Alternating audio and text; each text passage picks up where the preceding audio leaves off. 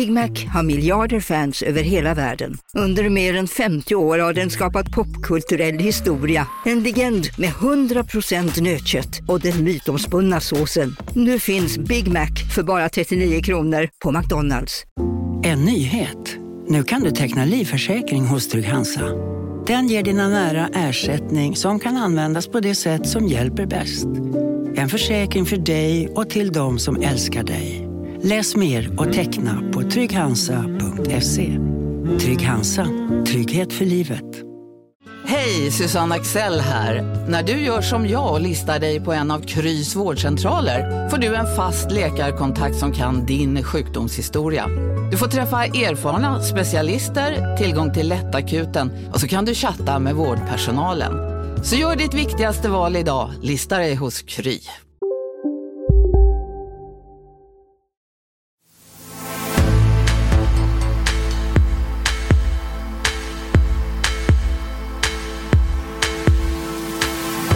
Nu har du satt upp min egen syster emot mig. Skrik inte. Jag skriker inte, jag vill i mitt eget... Vi börjar sändningen med beskedet om att dramatikern, poeten och författaren Lars Norén har avlidit i sviterna av covid-19. Jag tycker det är så fel när man säger om en gammal människa, ja, ja, hon var ju gammal, det var dags för henne att dö. Därför att det är ju en stor väv av samband, historia som försvinner. Många kommer att bli vaccinerade senare än vad vi ville. Vi har en konstruktiv och, och relativt bra dialog. Vi köper inte argumentet att vi inte kan få doser från Storbritannien. Ja, men lämnar Liberalerna januariavtalet, då finns ju inte januariavtalet längre. Och eh, då blir det sannolikt regeringskris och eh, då följer nog extraval tror jag. Vår tids Strindberg säger många om Lars Norén, dramatikern som blev ett adjektiv. Vilka spår lämnar han kvar? Skakigt coronaläge och strid om vaccinleveranser från AstraZeneca.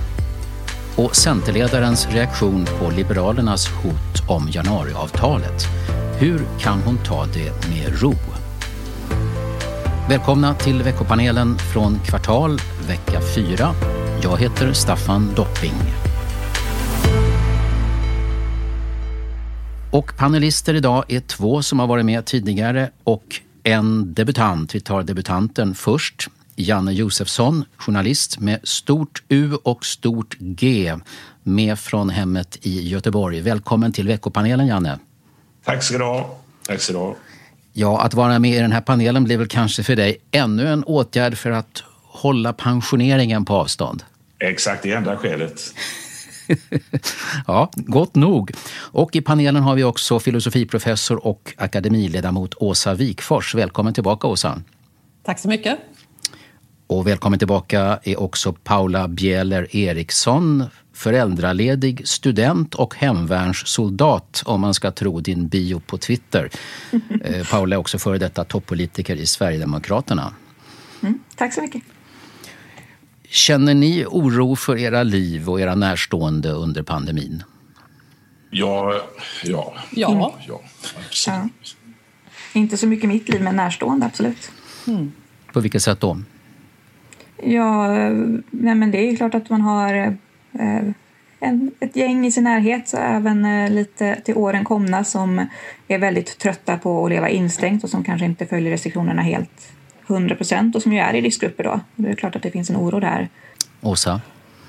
Ja, men det är klart. Jag har en gammal mamma, vi har min mans föräldrar som bor i USA då, de är amerikaner, de sitter, lever ju väldigt, väldigt isolerat. Och sen är jag ju lite halvgammal själv så det är klart att jag, jag håller mig, jag lever väldigt tämligen isolerat nu. Mycket Zoom-möten.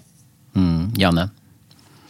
Jo, jag är till och med rädd för vad som ska hända mig själv, men naturligtvis eh, de närmaste. Och mina eh, tre söner har sagt till mig, du går inte ut farsan, vi eh, köper mat och håll dig inne bara. Men alltså det går inte, va? utan jag måste ut. Och Igår var jag i Stockholm och tog tåget till Göteborg. Det skulle vara framme och det blev flera timmar försenat. Det stannade och vi fick byta tåg och sånt där. Och till slut så är vi i Katrineholm på en liten tågstation och det är massor av folk som ska, vi ska evakueras till ett nytt tåg och sånt där. Då blir man ju rädd att man själv ska bli smittad.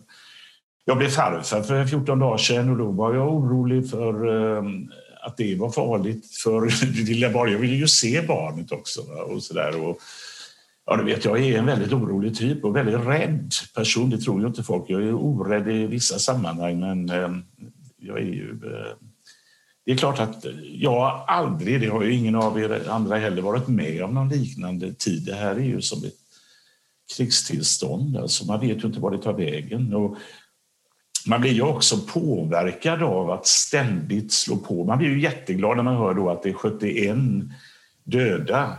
Hur fasen kan man bli glad att det är 71 döda? Liksom, men, jo, för det var 278 igår. Och, jaha, men då kanske vi är på väg till ljusare tid och sånt där. Och så får man ett nedslag. Och, så att det, jag tror det påverkar otroligt mycket. Jag pratar just med unga forskare som sitter helt isolerade i Nederländerna och håller på att bli fullkomligt skogstokiga. Och, eh, och där är det ju också stora protester på gatorna nu. Folk står inte ut längre och det där är ju en komplikation. Sen har jag börjat få en ny sorts mardröm. Det är en väldigt konstig mardröm. Jag drömmer att jag befinner mig i ett rum som är helt fullpackat med folk. Alltså den klubbstämningskänslan. Och jag har till uppgift att ta mig igenom den här folkmässan. Massan. Det trodde man ju aldrig att man skulle uppleva det som en mardröm. Men eh, det är ju en ja. typisk coronadröm. Jag frågar delvis därför att eh, myndigheterna, krisinformation.se som ju är en sajt som samlar eh, beredskapsinriktad eh, information, har publicerat en film på Twitter som är riktad då till folk som känner coronaoro. Och då har man då med några, några råd till, till, till till människor som känner så. Fem råd för att hjälpa dig att hantera din oro. Råd ett är fortsätt med dina vanliga rutiner så gott det går. Och råd två, begränsa tiden som du läser nyheter. Eh, råd tre är försök att göra saker som du mår bra av. Fyra, hämta din information om covid-19 från tillförlitliga källor. Fem, sätt ord på din oro. Det här råd nummer två, for, eh, begränsa tiden som du läser nyheter. Det har tidningsutgivarna hakat upp sig på och tycker att det här är helt vansinnigt. Vad säger ni om, om det sättet att bli mindre orolig? Det saknas, ju, det saknas ju ett ord där. Läs, begränsa tiden läsa nyheter om corona. Eh, och det, jag, jag, känner ju till en del människor som verkligen går in i det här och sitter skräck, med skräckslagen förtjusning och läser precis allt de kan komma över om corona. Det mår man ju inte särskilt bra av. Så om man lägger till det så tror jag att det är ett gott råd. Det är ett gott råd, tror mm. du? Ja, vad säger Janne och jag, Paula? Jag skrattar nästan. Jag tycker det är, att vi har en institution, alltså en, en, en myndighet som eh, skriver på det här sättet. Det påminner mig lite grann när Lasse Brandeby och jag jobbade på lokalradion för många herrans år sedan och vi gjorde sketcher om om man slog upp telefonkatalogen om kriget kommer så stod det liksom ehm, eh, fyll badkaret med vatten, eh, dra ner persiennerna, alltså är atom... Alltså, det, det, jo, det är klart att eh, det påverkar en om man hela tiden läser nyheter, men att eh, komma med sådana råd, då har man inte mer att göra. Alltså, ändå, det, det, det, ja, jag vet. Paula Bieler Eriksson. Ja, nej, men jag tycker att det är ett bra råd. Jag tycker nog att det är ett bra råd generellt, även utan tillägget från Åsa. Eh, för vissa personer i alla fall och ibland att Eh, ja, om jag tar mig själv som exempel så kan jag säga att jag mår otroligt mycket bättre när jag lämnar hetluften och faktiskt kan ta lite tid utanför och behöva försöka hänga med i allting och läsa allt hela tiden. Eh, att Eh, komma ihåg det nära och livet och ha lite mer tid på det och komma ihåg att det finns och just dra energi från, från nära och kära, från eh, böcker, filmer, uppgifter, pyssel, vad man än tycker om som är liksom här och nu, som är livet värt att leva istället för att bara gräva ner sig i, i allt det otäcka som sker i världen. Just nu är det pandemi, men överlag så finns det ju väldigt mycket man kan gräva ner sig i och bli deprimerad av och, och jag tror det är viktigt att balansera upp det. Men jag fnissade till lite grann. Eh, tidigare idag så såg jag i mitt Twitterflöde att eh, inte alla tidningar, inte alla utgivare, utan Veckorevyn hade twittrat någonting om att vi var minsann tidiga med det här rådet. Vi, vi gav det som råd redan för något halvår sedan eller sånt där att eh, si och så länge om dagen ska ni läsa på om, om coronanyheter och ta paus från det. Det tyckte jag var lite kul att eh, det är Veckorevyn och eh, krisupplysning eh, som har samma syn. Vi går vidare med veckans stora kulturnyhet.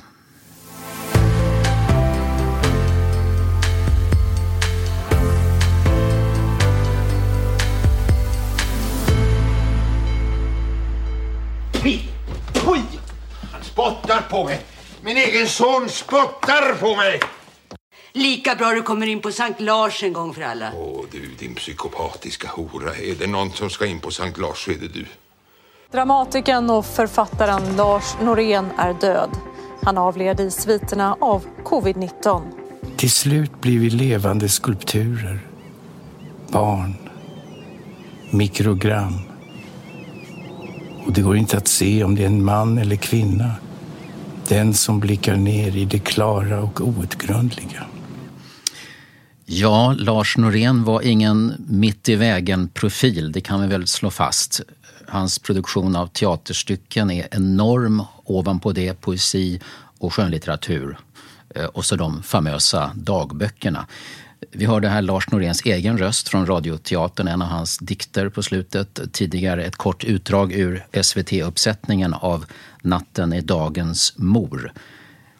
Jag tycker mig ha upptäckt en viss osäkerhet i några medier om hur stor och betydelsefull han var. I en runa kallades han för en av Sveriges mest inflytelserika dramatiker.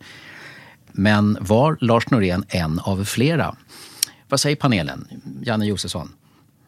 Ja, alltså i vissa kretsar var han ju jättestor och det är klart att han har gjort eh, otroliga saker. Jag, eh, man får ju skilja på person och verk också, eh, vad man tycker om honom och sånt där. Men jag blev väldigt påverkad av de här tre pjäserna han gjorde som hette 7 kolon 3, Skuggpojkarna och Personkrets. Mm på eh, 90-talet. Jag var... Eh, och jag känner skådisar som har jobbat med honom. Han slukar ju dem. Va? Alltså, man får leva i hans värld. Och skådisar som har sagt det går inte att jobba med honom. Han är olidlig, han är hemsk. Alltså, sånt där. Så det finns väldigt många olika åsikter. Jag och en eh, kollega gick i alla fall på Riksteatern, jag tror det var Hallunda i Stockholm 99 och såg eh, Personkrets, var det inte? Alltså, där eh, Reine Brynolfsson, en av Sveriges absolut bästa skådisar då och än idag, eh, spelar mot eh, tre kriminella. Alltså de var nazister i verkligheten. Och det gjorde ju att... Var inte det 7-3? Ja, det var kanske var 7-3. Ja, det, ja, det är möjligt. Personkrets. Ja. 7-3 var det, ja. Det ja. var 7-3. Var mm. I vilket fall som helst, och eh, gänget i övrigt, även om det var ute i en förort, eh, var ju det här svartklädda teatergänget som brukar gå på teater och sånt där. Va? Och alla satt och applåderade och blev påverkade och sånt där. Och eh, jag tyckte också att det var väldigt bra av den orsaken att demokratin förlorade, att det inte var den här plakatteatern, att Eh, var på den goda sidan, man applåderade sig själva mer eller mindre. Och sånt där, utan det var något obekvämt med detta. Och när jag går ut i foajén så möter jag eh, kulturministern som var där på den tiden, Carl Tam och författaren Per Westberg. Och jag frågar vad tyckte ni? Ja, men vi applåderar själva skådespelarprestationen, alltså, säger de då. Och, eh, och det gjorde mig ännu mer provocerad. Så jag går in bakom kulisserna och tänker jag måste fråga dem om de är nazister i verkligheten eller inte. Sånt där. Vilket jag gör och möter Tony Olsson eh, först. Som, ja, men han gillade de programmen jag jobbade med då, striptease och så här. Sen går han, jag möter honom sen för övrigt några dagar innan de skjuter poliserna, men det är en annan historia.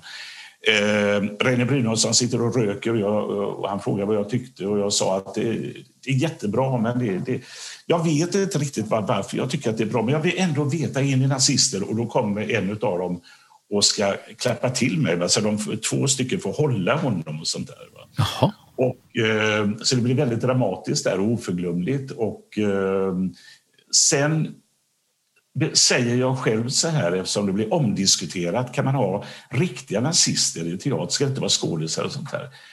Och jag kom fram till då, och tycker fortfarande, att det var rätt att eh, man kan göra det. Men det är ingen lätt fråga, men eh, just för att skaka om. Men vad jag märkte då och vad jag tyckte då, det var att Lars Norén var en feg jäkel. För han gick inte ut och svarade utan han, han lät alla de frågorna gå till en eh, kvinna på Dramaten som fick svara på detta och hon hudflängdes ju och sånt där. Men han vågade inte stå upp och det tycker jag, tar man ett sånt steg att man använder eh, nazister, eh, verkliga nazister i ett skådespel och då förstår man, man gör ju det för att komma åt någonting. då får man också vara beredd att försvara det, för annars tycker jag inte man är ståndaktig. Och det... Åsa Wikfors, vad säger du om Lars Norén? Det är klart att han är stor och han är ju stort internationellt också. Det kommer han förbli. Precis som Strindberg så är det ju dramatiken han är känd för i världen främst, som jag förstår det. Mm. och eh, det tror jag, det, det kommer, där är ingen tvekan om att det kommer finnas kvar. Jag själv, min personliga relation till var att jag flyttade till Stockholm i början på 80-talet och, och, var, och gick och såg de här, man kallar hotellpjäserna, då, alltså, vad heter mm. de, Kaos i Granne med Gud och eh, Natten i Dagens Mor. Och, eh, det, var, det tyckte jag var en storartad eh, teaterupplevelse. Då.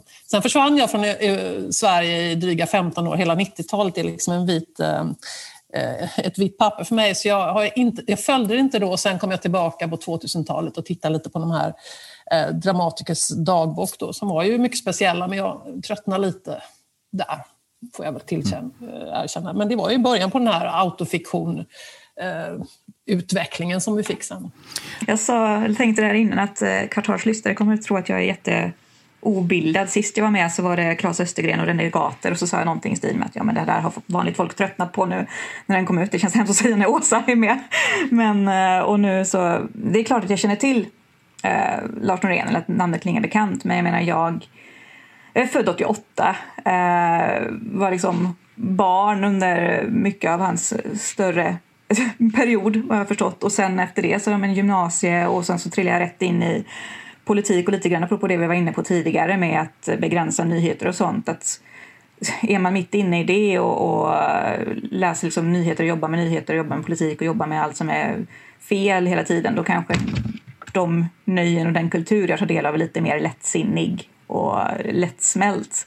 Så jag kan inte direkt säga att jag har någon, några specifika minnen eller, eller kopplingar som jag gör till eh, Norén så, mer än att jag, ja, men jag känner till namnet och kan placera med dramatiker, poet, men inte mycket mer än så, får jag tillstå. Då. Eh, men det, är klart, det är klart att han var stor, eh, men han var inte folklig. Jag tror inte folk i allmänhet hade någon koll på honom. Men du, är det rätt att jämställa honom med Strindberg? Ja, ja det tror jag. Strindberg och Bergman, det är väl i den klassen, absolut. Men hans förläggare skrev i Svenska Dagbladet häromdagen att han, han vad han skrev, han konsumerade människor han var en surgubbe. Och det, jag har väl rätt att vara, va? men eh, jag, jag, fick kontakt med honom en gång faktiskt. Så här. Och det var efter, jag var programledare för ett program som hette Debatt på den tiden i Sveriges Television. Vi minns det svagt. Mm. Ja, svagt, ja. det är bra. Eh, men i vilket fall som helst, så, så Tommy Berggren som också är en eh, otroligt skicklig teaterperson och förmodligen jag är nästan säker på lika stort ego som eh, Lars Norén. Han skrev i DN, kan jag citera en grej, det tar någon minut. Kan jag göra det? Hinner du det? Ja då. Lasse, Lasse lite, världen är så stor, så stor och boken är för tjock. Då hade han kommit ut med den här dagboken, då, en tjock tung. Om orden patetisk eller pretentiös kan betraktas som enbart negativa så ligger Lasse Eh, Norén riktigt risigt till, för något mer pretentiöst och patetiskt än Lasses nyss utgivna bok eh, är svårt att hitta. Boken borde kunna säljas med stor framgång på apoteket till människor med sömnsvårigheter. Den ser ut som Bibeln, men är istället en tjock, svårt sladdertacka. I dagboken kan man bland annat läsa att Lasse liten städar mycket, springer, äter hummer, skiter, tittar på stjärnorna och framförallt tvättar. Men han ägnar också utrymme i boken att såra, förgripa sig på sina medmänniskor, döda som levande. När jag läste det då så ville jag ha med dem i debatt. Alltså, för de, jag kände att de hatar varandra, två stora begåvningar och sånt där. Och eh, Tommy Berggren hade jag nog fått med mig. Jag började med Lars Norén, ringer förlaget, Albert Bonniers förlag. Och då får jag till svar av någon slags grindvakt, en tjej där som säger herregud, tror du att han skulle vilja vara med i debatt? Nej, det finns inte på kartan. Och det där provocerar mig och liksom jag, jag blev så jäkla förbannad. Så jag gav mig inte, så jag fick tag i honom så småningom på telefonen, men då var han i Paris. Och eh, om han spelade då eller inte, han är ju väldigt manipulativ tydligen, var det enligt väldigt många. Eh, men då var han väldigt trevlig och sa, ja, men hej Janne, vad roligt att du ringer, men jag är i Paris, jag kan inte vara med. Och sånt där. Så det, det, det, alltså det är en minut kontakt med honom och han var väldigt, väldigt trevlig. Vad är förklaringen, Åsa, till de här väldigt... Det är svårt att få ihop bilden av, av människan Lars Norén när man hör alla olika berättelser vet jag inte. Det är ju bilden av ett konstnärligt geni som hänsynslöst utnyttjar allt som kommer till honom för konsten. Då. Det är ju en ganska välbekant eh, person på sätt och vis. Och där finns en likhet med Strindberg tror jag, som han utnyttjade sina eländiga äktenskap på olika sätt till exempel, eh, in i minsta detalj. Att allt i ditt liv är till för konsten. Och just det här otroliga dokumenterandet av massa eh, ointressanta detaljer, vad han håller på med också, det är också liksom en del av att att hålla, att ta detta enda liv och göra det till konst som blir varaktig. Det är någonting där som, och det, det är en ganska välbekant konstnärspersonlighet tror jag. Det är ju inga roliga personer egentligen då. Nej, man ska inte gifta sig med dem till exempel. Det är jag helt övertygad om. Det kanske kan vara kul att ta en öl emellanåt och så. Eh. Jag hade på allvar en idé som jag dryftade med Peter Birro som jag känner att man skulle gjort om Dramaten. Man skulle sätta upp en uppsättning på Dramaten med, eh, alltså där scenen är rund så man delar den som en apelsin så här. Och eh, då spelar man där på Dramaten-premiären, då sitter alla där som brukar vara där. Och så handlar det naturligtvis om en pjäs om eh, de goda människorna och de goda ansatserna och alltihopa. Men mer och mer så hör man att den stora dramatiken sker bakom kulisserna så att säga. Hur, hur, man hugger varandra i ryggen och man eh, eh, skäller på varandra och, och bankar på varandra. Och så, här. och så ovetande skådespelarna så så är det någon tekniker som trycker på en knapp så att de går ur, över på andra sidan. Så då ser folk dem bakifrån och ser hur de är. Och eh, jag tror att det är en del, precis som du säger där Åsa, att eh, de stora genierna de har en förmåga att, ehm, eh, att utnyttja människor och kanske inte alls vara det de skulle vilja vara. Men de är, gör sådana fruktansvärt bra konst, eh, vad det nu är för något, om det är teater, film eller eh, vad det är. Samtidigt, jag har svårt för den typen av människor och man är ju rädd för att man själv skulle vara sån, inte lika stor men att man så att säga är motsatsen till det man skulle vilja vara. För att, eh, att bara använda människor för att man ska själv eh, åstadkomma världens bästa bok som alla eh, säger efteråt vad bra boken var, det är ju inte särskilt jag skulle inte vilja leva med de människorna. Och därmed går vi över till nästa huvudämne. Det är coronasituationen och eh, särskilt då problemen att få rätt mängder covid-19-vaccin från AstraZeneca. Företaget kan ju inte leverera under första kvartalet allt det som hade avtalats med EU, som ni säkert har hört om. Eh, vi hör först ur eh, Aktuellt Sveriges vaccinsamordnare Richard Bergström, sen AstraZenecas Nordens kommunikationsdirektör Jakob Lund och sen förstås statsepidemiolog Anders Tegnell. Vi ser fram emot 400 000 doser från AstraZeneca under februari. Men vi hade ju räknat med en miljon doser. Så att det är därför som det finns en sån irritation och upprördhet och till och med mer än så eh, hos alla mina kollegor som jobbar i EU-kretsen. Vi vänder på alla stenar och eh, vill göra vad vi kan. Alltså, vi tycker det är djupt, djupt olyckligt att vi står i den här situationen. Vi förstår frustrationen och vi är frustrerade själva. Ja, det är ju väldigt tråkigt för det här betyder ju att eh, en del personer får vänta Eh, och att det också blir väldigt mycket mer press på att vaccinera under andra kvartalet för att eh, de doser som vi inte får under första säger man att vi kommer få under andra kvartalet istället. Eh, och det är ju inte bra för det blir ju väldigt mycket mer stressigt för sjukvården att hantera det. Ja, förutom oro för nya mutationer av viruset så har leveranserna alltså från läkemedelsföretaget AstraZeneca blivit en stor källa till besvikelse och ilska i början av det här året kan AstraZeneca bara leverera 40 procent av det som var tänkt och för svensk del så blev en miljon doser alltså bara 400 000. Kommunikationsdirektören Jakob Lund som var med i Aktuellt i torsdags, han ville inte lova annat än att man gör allt vad man kan och vänder på alla stenar. Samtidigt verkar det som om Storbritannien får vaccin i stora mängder. EU-länderna känner sig blåsta enligt SVTs korrespondent i Bryssel den här ordstriden som pågår nu, eh, Paula Bieler Eriksson. Hade det kunnat undvikas? Eller är det nära på oundvikligt när hela världen ropar på att vaccin ska komma nu och helst igår? Jag tror nog faktiskt nästan mer på det senare. Jag menar, man har köpt en produkt som fortfarande är under utveckling och som dessutom det finns en oerhörd efterfrågan på. Eh, det är nog oerhört naivt om man tror att, att man kan leverera exakt det man hoppas på att leverera och det man avtalar. Det, det tillkommer alltid komplikationer. Um, så att, uh, och det är en sådan stämning i världen, förståeligt efter ett uh, år, uh, ge och ta några månader beroende på var i världen du befinner dig, av just stress och oro och skenande sjukdom och epidemi som blir pandemi. Um, att det tålamod eller den förståelse som kanske möjligtvis hade kunnat finnas i normala fall kring att leveranser kan bli försenade. Det, det finns liksom inte nu. Alla är, är för... Det är för mycket som står på spel helt enkelt. Så att eh, även om jag kan tycka att man, eh, man borde ha varit beredd på det någonstans så förstår jag att, att man inte blir det, att det fortfarande finns mycket ilska. Och, och såklart med liksom Brexit-situationen och att Storbritannien eh, lägger beslag på en stor del av de doser som produceras i Storbritannien Eh, eller åtminstone försöker lägga beslag på det. Eh, det är klart att det trissar upp det hela ännu mer. Ja. Om alla hade drabbats lika hårt så hade det varit en sak. Men om det nu det dessutom ser ut att drabba o, ojämnt så är det klart att det ökar ju ilskan ännu mer. Jag såg några tidningsrubriker från Storbritannien, Daily Mail, så här då. No EU can't have our jabs. Ni, kan inte, EU, ni får inte våra sprutor. Och Daily Express då.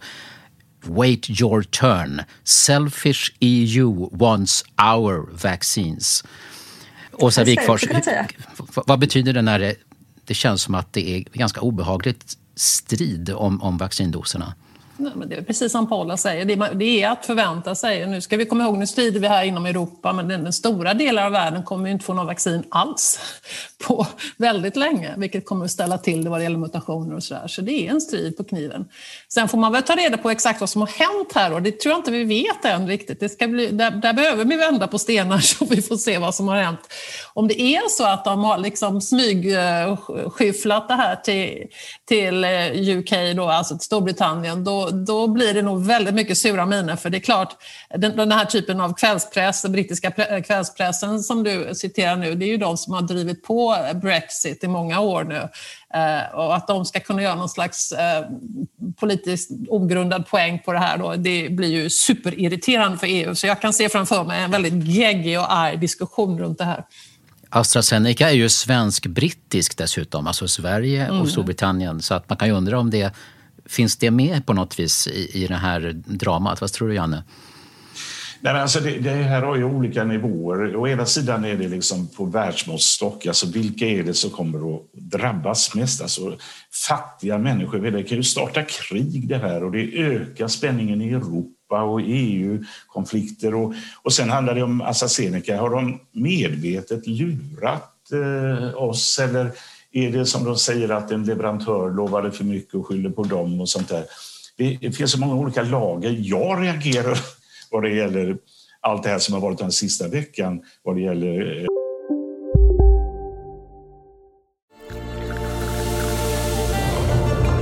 Välkommen till Maccafé på utvalda McDonalds restauranger med Baristakaffe till rimligt pris. Vad sägs om en latte eller cappuccino för bara 35 kronor? Alltid gjorda av våra utbildade baristor. Hej Sverige! Apoteket finns här för dig och alla du tycker om. Nu hittar du extra bra pris på massor av produkter hos oss. Allt för att du ska må bra. Välkommen till oss på Apoteket. Okej hörni, gänget! Vad är vårt motto? Allt är inte som du tror. Nej, allt är inte alltid som du tror.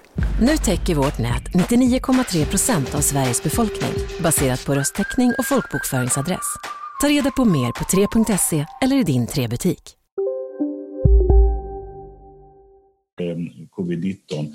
Det är liksom en lokal nyhet från Eskilstuna att flera av cheferna på äldreboenden till exempel har låtit sig själva och deras anhöriga få vaccineras Alltså de tar rått av de som skulle eh, vaccineras egentligen, det vill säga vårdbiträden, sjuksköterskor, äldre. Eh, sådana. Men det handlade om doser som hade blivit över så att säga efter det, om jag förstår saken rätt? Doser över. Nej, nej, nej. Alltså, det, alltså jag kan inte hela historien, men att, att, sätta sig själv och vaccinera, bli vaccinerad av sina barn för att man är i en chefposition det, är, alltså det visar det sämsta om människan i denna tid, det måste man väl ändå säga. Alltså jag, jag bara, jag bara baxnade när jag läste det.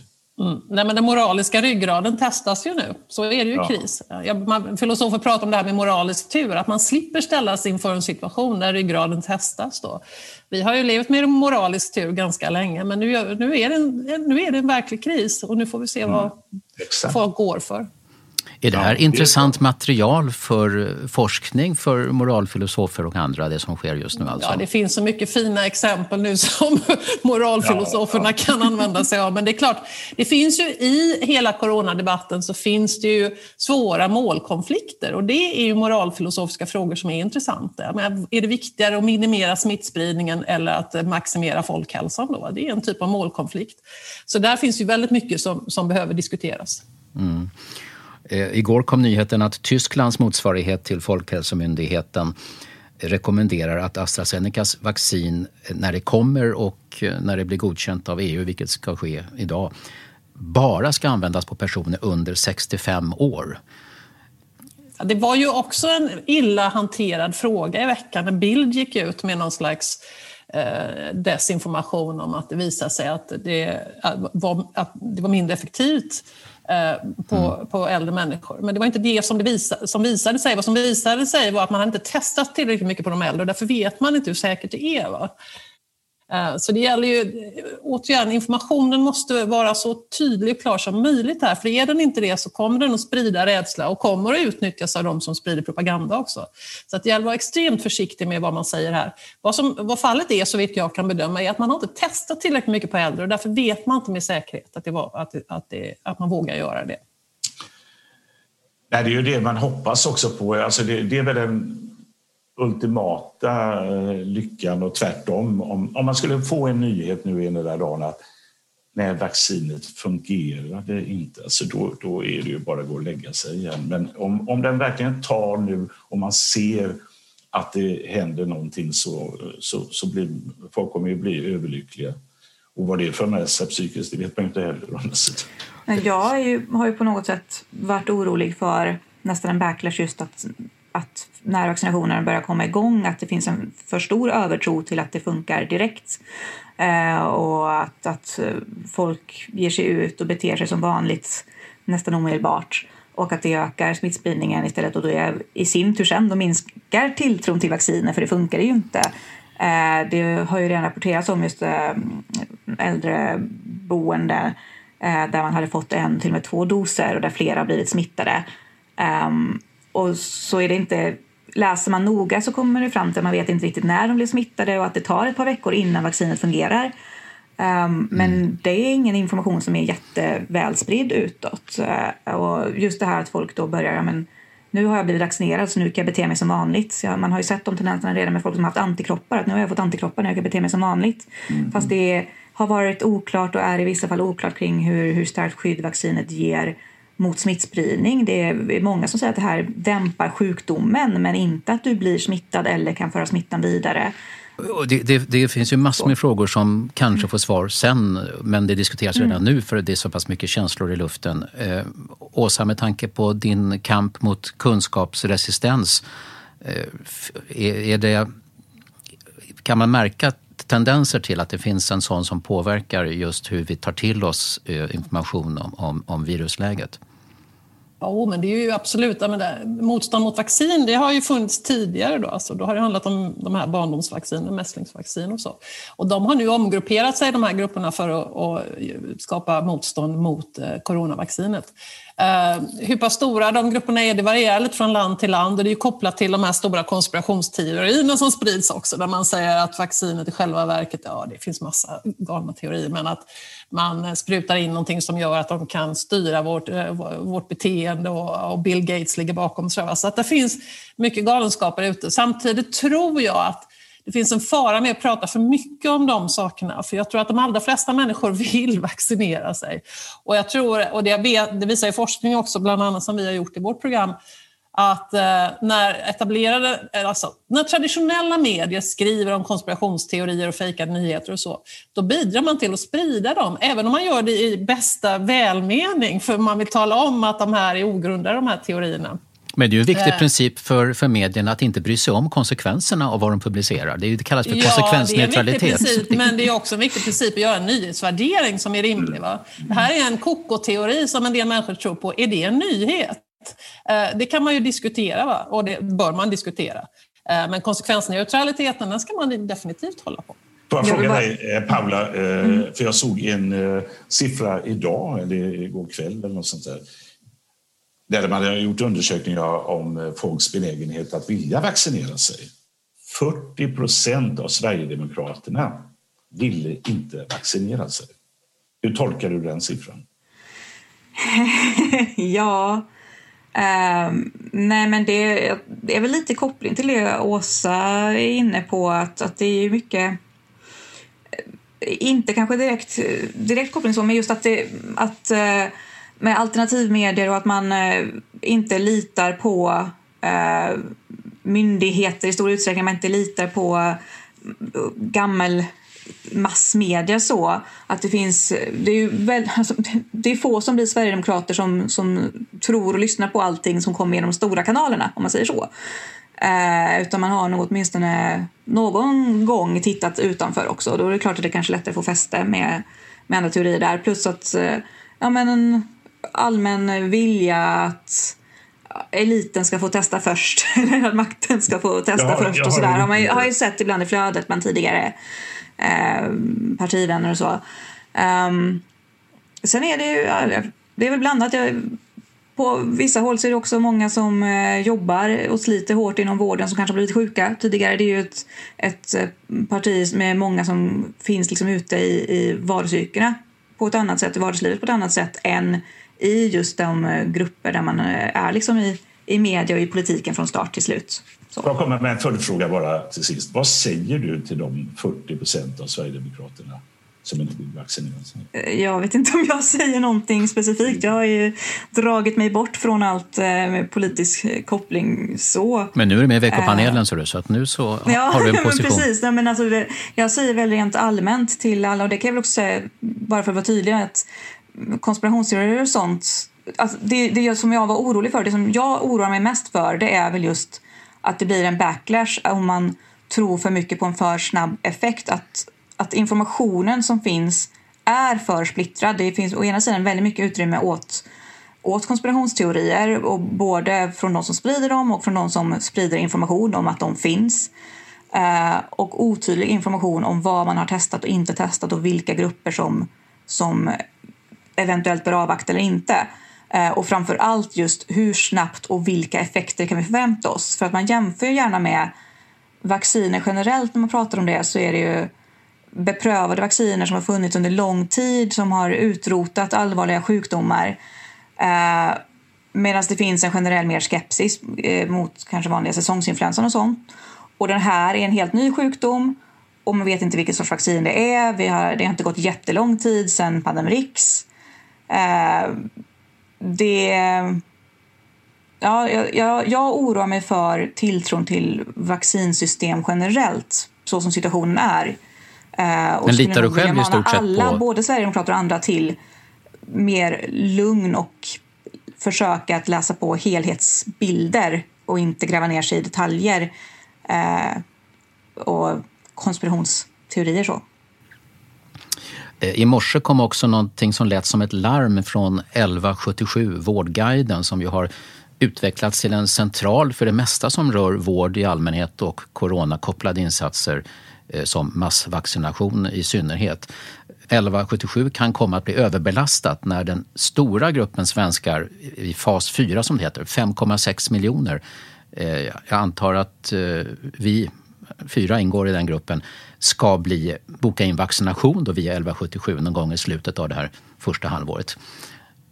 Kommer vi klara det här som avslutningsfråga?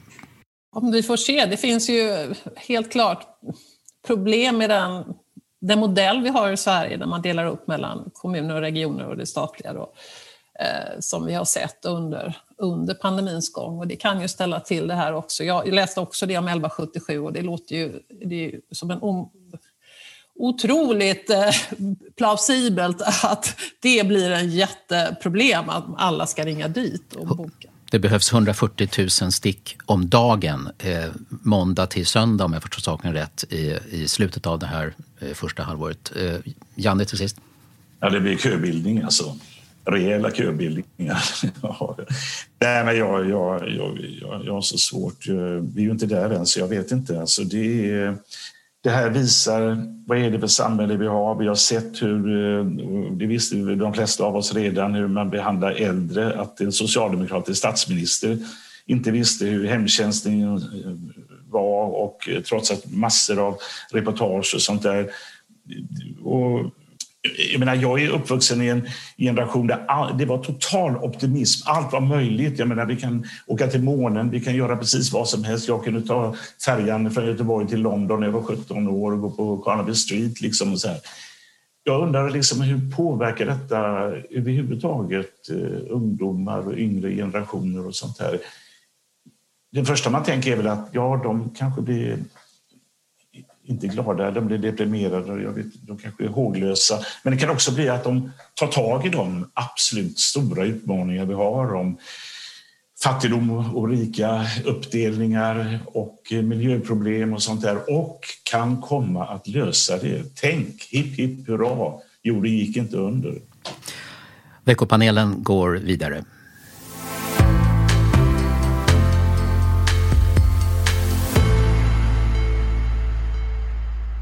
Men jag tar det här med, med ro faktiskt. För att det, har ju, ja. ja. men det har ju varit diskussioner om det här under alla de åren som jag har varit med sedan januariavtalet slöts.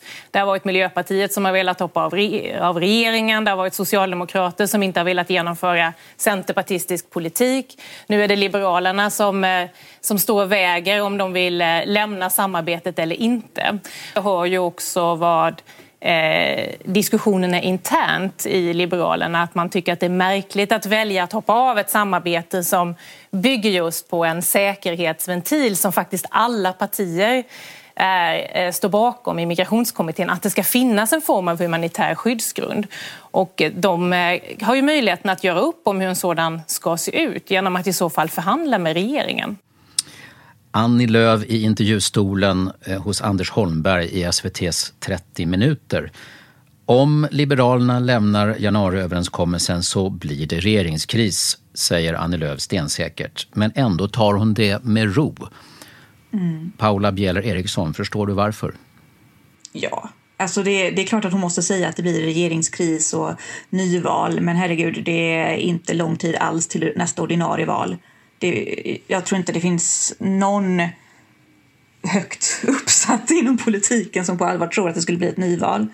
Eh, det, det skulle ta alldeles för mycket att, att lösa ut det nu och det finns ingen anledning för Socialdemokraterna att, att utlysa ett nyval nu. Eh, så någon skrev, varför ska de göra det? För att liksom, Men är det ett tomt hot i stort sett från Ann när hon säger så, menar du? Eller? Nej, nej det, det, är, det är spel och det är poängtering av sin plats i politiken. Det är klart att budgetsamarbetet som det är nu kanske faller eh, i de formerna men, men att det skulle bli ett nyval och, och stort kaos det har jag väldigt svårt att se när det när det är liksom nästan lika lång tid kvar till att ordinarie valrörelse ska börja som, som det tog att bilda regering i första taget och eh, mitt i en pandemi och sånt där, då tror jag nog att det sitter kvar en övergångsregering i så fall tillräckligt länge för det ordinarie valet ska komma på plats. Men det är klart att hon måste ju säga så för att eh, för det är den roll som Centerpartiet har tagit. De har spelat väldigt högt spel och satt sig väldigt tydligt i att nu har vi gjort det här vägvalet och är väldigt stolta med det vägvalet som hon nämnde, jag vet inte hur många gånger just använde det ordet eh, och vill mana andra till att göra samma slags val. Och, och ha, ha liksom sin mittenposition där Centern får styra så mycket som möjligt. Och då är det ju för att kunna stå fast vid och inte liksom tappa allt det man har sagt och lovat tidigare förutom att hålla avstånd till SD Men- så, så vill hon ju såklart markera så mycket som möjligt att vänstern kommer hon inte vilja ha något samröre med och därför så måste hon säga att om libera- Liberalerna lämnar så blir det regeringskris.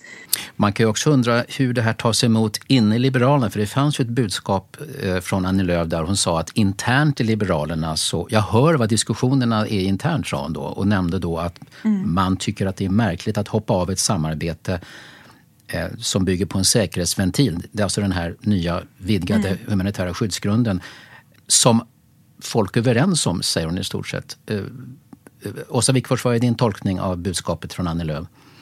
Nej, men jag tror Paula har en ganska bra analys där. Alltså. Det, hon markerar var hon står. Det, eh, och det är klart att det är också så att eh, Liberalerna eh, markerar och har interna konflikter på olika sätt. Va? Så att det är ett spel och kanske ett spel för gallerierna. Då. Eh, Och det är inte så långt till vi har ett val så jag tror inte heller att det blir ett nyval. Men det kan bli regeringskris utan, utan att det blir ett extraval Det kan kanske? bli regeringskris och jag tror att det vore väldigt, väldigt eh, ogenomtänkt om, om Liberalerna verkligen vill driva fram en sådan. Eh, faktiskt. Janne? Ja, alltså, det var ju inte särskilt länge sedan man har pratat i många år att man skulle slå ihop Centerpartiet och Liberalerna. Det är ju en, eh, ett besked både från Sabuni och Annie Lööf att de väljer olika regeringsföreträdare. Eh, så, eh, Sabuni väljer Kristensson och Annie Lööf kommer att välja Löfven. Det är ju ett klart besked. Och det är klart för alla liberaler, detta lilla parti som jag själv har varit med om en gång i tiden. Eh, Nu kan det sägas. nu kan det sägas. Ja. Eh, ja. Men eh, de- är alltså totalt splittrade och eh, de måste ju stå i valstugorna om folk frågar vilken eh, statsminister vill du ha? Då måste de ju svara klart. Och de kommer att säga Kristensson om Sabuni får bestämma. Och får hon inte med sig partiet så lämnar hon ju nu och det har hon väl inga problem att göra kanske. Det vore väl skönt för henne kanske också. Men det, det, det är alltså det, det är ju en viktig sak att eh, mittenpartierna går isär väldigt, väldigt tydligt. Om det leder till nyval eller det här får konsekvenser vid valet 2022, det vet vi. Jag läste jag- Göran Eriksson som skriver om politik i Svenska Dagbladet. Han upptolkar, efter att ha lyssnat på intervjun som Anders Holmberg gjorde, att det är klart att Annie Lööf önskar att Nyamko Sabuni ska förlora den maktstrid som nu pågår inom Liberalerna. Mm. Det är klart hon gör. Och den maktstriden var ju alldeles tydlig när hon valdes, eller hur? Det Mm. stod ju mellan en kandidat som ville gå ena vägen och en som ville gå den andra vägen. Så det här är ju inget nytt. Jag tycker just det är intressant just att på, på många sätt, alltså man har ju nästan bara väntat på och undrat vad är det som tar så lång tid inom Liberalerna innan de gör något sånt här utspel. Eh, och en sak som jag tycker är väldigt intressant är att alla försöker liksom eh, skylla på att det är någon annan som spräcker avtalet i så fall. För det Liberalerna säger, och det har de ju i och för sig rätt i tycker jag, är att den version av säkerhetsventil som då eh, regeringspartierna med då stöd av Centern eh, mer eller mindre direkt eh, lägger fram som skiljer sig från det som, som man kom fram till i migrationskommittén.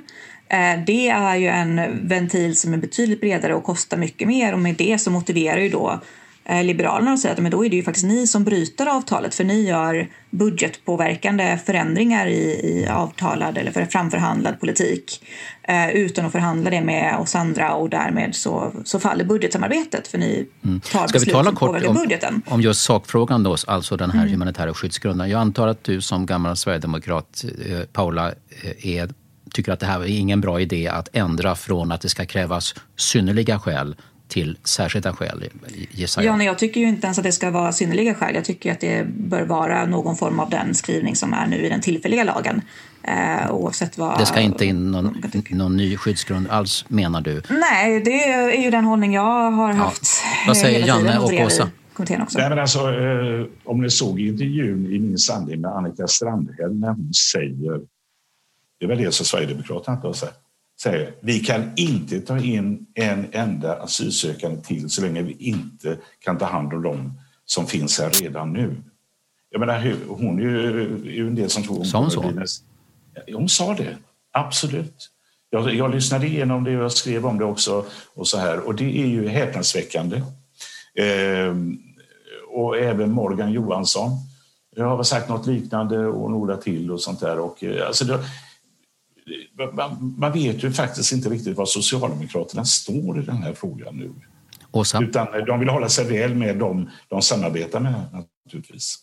Ja, nej, men jag har inte satt mig in i detaljerna i det här, men eh, det är klart att det finns en otydlighet i Socialdemokraternas politik runt det här och har gjort ett tag. Eh, men samtidigt kan jag ju tycka att det vore otroligt sorgligt om det här samarbetet, om Liberalerna skulle spräcka det här samarbetet på grund av en fråga som handlar om svåra frågor som har att göra med humanitära skäl för att ta emot flyktingar. Det, det tycker jag vore riktigt, riktigt sorgligt. Vi närmar oss avrundningen och det brukar vi göra i form av eh, veckans person eller veckans ord. Nu är det dags för det. Varsågod, Paula. Mm. Jag fastnade till slut för Wall Street Bets, eh, Reddit-tråden, Reddit-gruppen som ju har satt eh, börsmarknaden i eh, rejäl gungning. Och, ja, det är ju väldigt, väldigt mycket som händer där. Till och med jag som knappt alls sysslar med börshandel.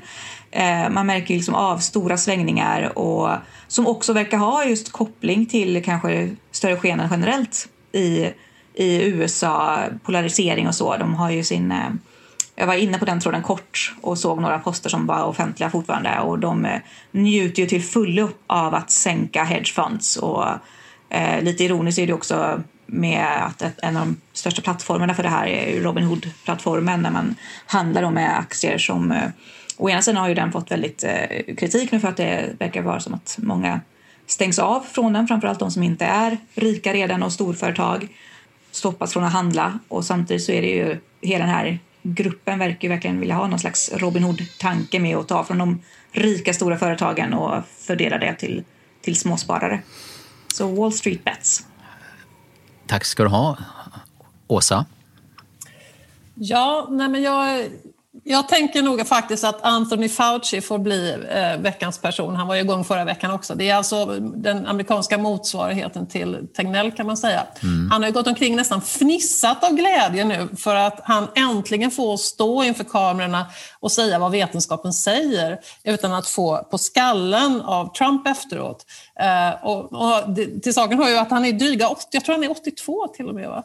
Eh, mm. I alla fall. Eh, en otrolig arbetsinsats han har gjort och att han har kunnat huka under de här attackerna på vetenskapen så länge och ändå stå där och, och, försöka hålla i den svåra coronasituationen i USA. Att han nu går omkring och fnissar lite av glädje, det kan man förstå. Ett styrkebesked då för denna 82-åring. Yes. Janne?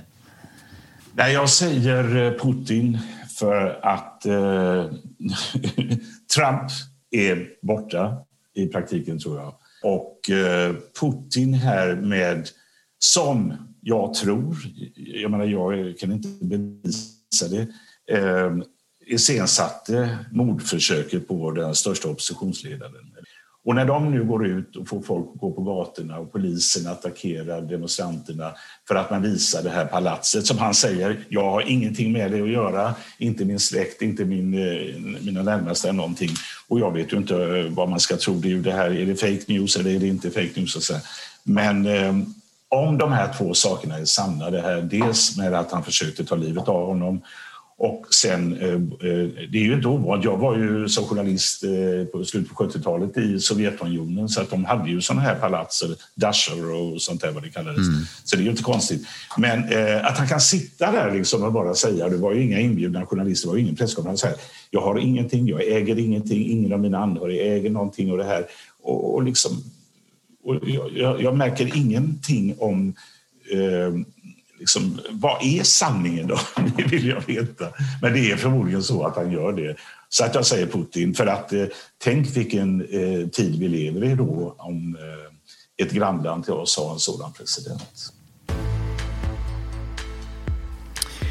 Dessa veckans ord och personer avslutar i stort sett veckopanelen med eh, Paula Bieler Eriksson, Janne Josefsson och Åsa Wikfors. Stort tack för medverkan hörni. Tack så du Tack själv. Tack så mycket. Och låt mig tipsa om fredagsintervjun med Katarina Engberg, säkerhetspolitisk analytiker och senior rådgivare på Svenska institutet för Europapolitiska studier. Vi kastade ut barnet med badvattnet, säger hon om när Sverige för runt 20 år sedan avskaffade totalförsvaret. Nu ska det byggas upp igen, vilket tar lång tid och kostar mycket. Hon säger också att Donald Trump hade rätt i en sak. Européerna måste ta större ansvar för sin egen säkerhet. På sajten, där händer det en hel del varje vecka, kan ni bland annat läsa en artikel av Ludmilla Rosengren om hur vi kan stötta ett barn som har tappat lusten att leva. Handfasta råd från en som har tung erfarenhet av det här. Texten ingår i vår satsning Generation Ångest. Ludmilla Rosengren är läkare och terapeut och grundade Suicide Zero. Ni kan också ta del av frilansjournalisten Agneta Liljekvists rapport om ett Frankrike som till sist fick sin metoo-debatt fast här med en vinkling åt incest och sexuellt utnyttjande av minderåriga. Metoo Incest angriper den franska elitens tystnadskultur är titeln på den texten. Och vi har också ett åsiktsutbyte om könsidentitet och frågan om könet är någonting subjektivt. Läs Ina Hallström och Lena Andersson om hur vi kan befria oss ur könsfängelset. Om ni vill stödja Kvartal så är vi tacksamma och ni kan också gärna stödja oss genom att berätta för andra om vad vi erbjuder i form av essäer och poddar och lyssna på Johan Rabeus och Marika Lagerkrans som ju varje vecka läser in vissa av kvartalstexter. Och på måndag är det premiär för en ny podd, Redaktionen tipsar. En gång i månaden talar några av oss i kvartalsredaktion om texter som vi har fastnat särskilt för. Den första redaktionen tipsar på måndag alltså. Den första februari är det.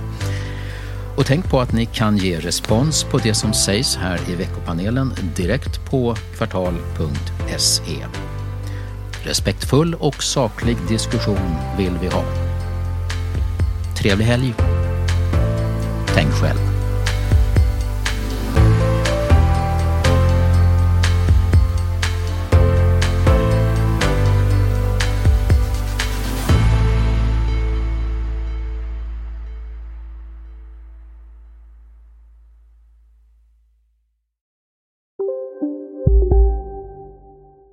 Välkommen till Maccafé på utvalda McDonalds restauranger med Baristakaffe till rimligt pris. Vad sägs om en latte eller cappuccino för bara 35 kronor? Alltid gjorda av våra utbildade baristor.